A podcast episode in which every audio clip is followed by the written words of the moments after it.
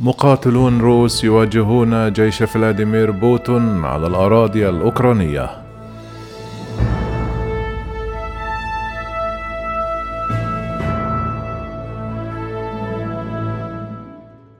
بينما تصارع شريحة كبيرة من الروس لأجل وقف الحرب المستمرة منذ أكثر من شهر ونصف ضد الجارة الأوكرانية اختار آخرون القتال إلى جانب الأوكرانيين ضد العدوان الروسي بقيادة الرئيس فلاديمير بوتين.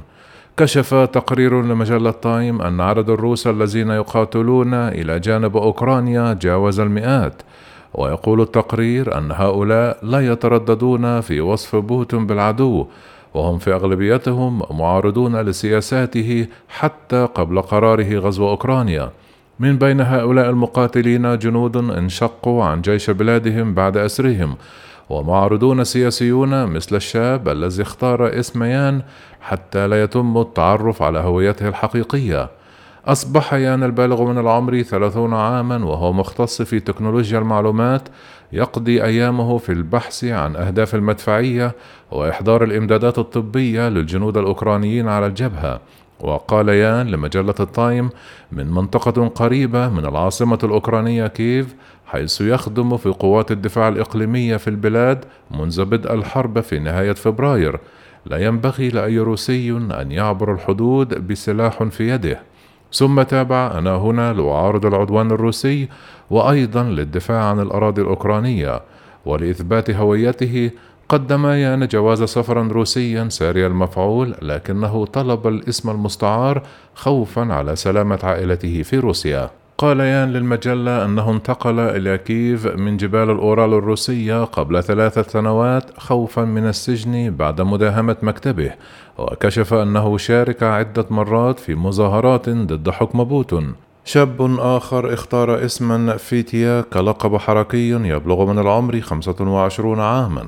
قال إنه طالب في كلية العلوم السياسية في روسيا وأنه انضم أيضا إلى قوات الدفاع الإقليمية الأوكرانية لمواصلة قتاله ضد الحكومة الروسية بعد أن حضر الاحتجاجات المناهضة للحكومة في مسقط رأسه بموسكو.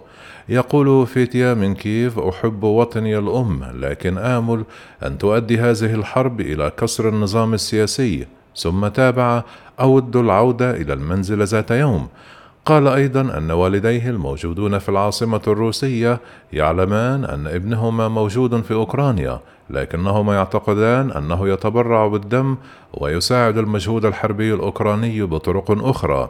وإذا كان بعض الروس الذين يقاتلون إلى جانب الأوكرانيين قد تحدوا بوتين قبل الغزو بفترة طويلة فإن الحرب قد جلبت آخرين إلى مصاف المعارضين للرئيس الروسي.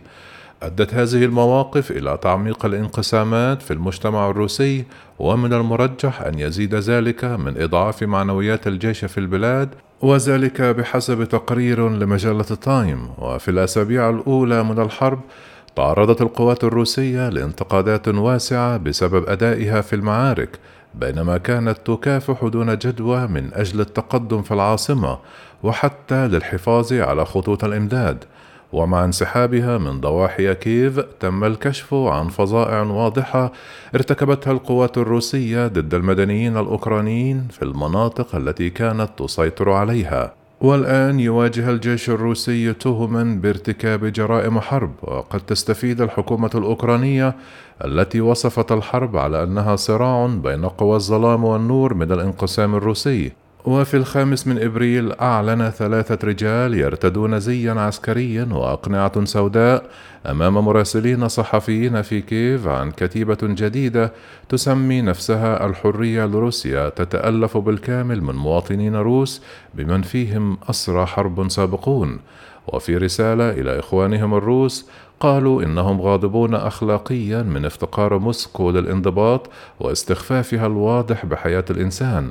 وقال أحد الرجال الذين لم يذكر اسمه إن الحكومة الروسية خدعتهم إلى الذهاب إلى دولة ذات سيادة لتنفيذ ما وصفه بإبادة جماعية.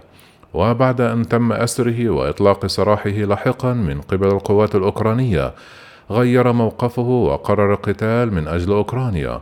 قال الرجل لا يوجد فاشيون هنا ولا نازيون بل سكان مدنيون. الآن أريد محاربة نظام بوتين الخارج عن القانون حتى يتمكن الناس من التحدث والتنفس بحرية. وكشف في سياق حديثه أنه شاهد بنفسه الفظائع التي ارتكبها الجيش الروسي في بوتشا وإربين وخاركيف كانت صور وتقارير من بوتشا وهي بلدة بالقرب من كيف قد كشفت مقابر جماعية وشوارع مليئة بالمدنيين القتلى وراء قرار الرئيس الأمريكي جو بايدن المطالبة بتوجيه تهم ارتكاب جرائم حرب ضد الرئيس الروسي فلاديمير بوتين ووصف متحدث ثان نفسه بأنه رقيب في القوات الخاصة الروسية وأدان النهب الواسع النطاق لمنازل المدنيين الأوكرانيين من قبل الجنود المهاجمين. كما حث القوات الروسية الأخرى على إلقاء الأسلحة والقتال من أجل مستقبلهم. بينما كان الرجال الملثمون يتحدثون ظهرت لافتة على الطاولة تقدم تعليمات للتبرع للكتيبة باستخدام العملة المشفرة. وتمتلك هذه الوحدة أيضا قناة على موقع تليجرام حيث أخذت على عاتقها حث سكان موسكو على حضور الاحتجاجات المناهضة للحرب وتقديم تعليمات للروس الراغبين في الانضمام إلى فيلقهم. ارتدى الرجال على أكمامهم العلم الأبيض والأزرق الذي أصبح رمزا للحركة الروسية المناهضة للحرب ويصعب تحديد مدى دعم المواطنين الروس للحرب حتى داخل روسيا بينما يواجه المعارضون الذين يبدون مواقفهم علانيه عواقب وخيمة.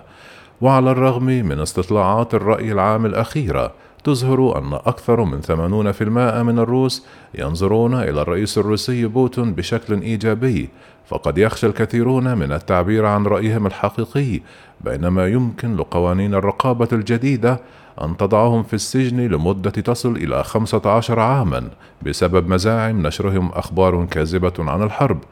ويمنع الآن في روسيا استخدام كلمة حرب لوصف ما يعرف رسميا باسم عملية عسكرية خاصة يذكر أن الحكومة الأوكرانية رحبت بمساعدة الأجانب في معاركها ضد المعتدين الروس ومنذ أن أنشأ الرئيس فلاديمير زيلينسكي فيلقا دوليا للدفاع عن أوكرانيا في بداية الحرب انضم إليه ما يقدر بنحو عشرون ألف شخص من 52 دولة من الولايات المتحدة الأمريكية إلى الدنمارك. ورفض أعضاء الحرية لروسيا الإفصاح عن عدد الرجال الذين ينتمون إلى كتيبتهم باستثناء وصفها بأنها كبيرة وقالوا أنهم تلقوا أكثر من 300 طلب للانضمام في يوم واحد.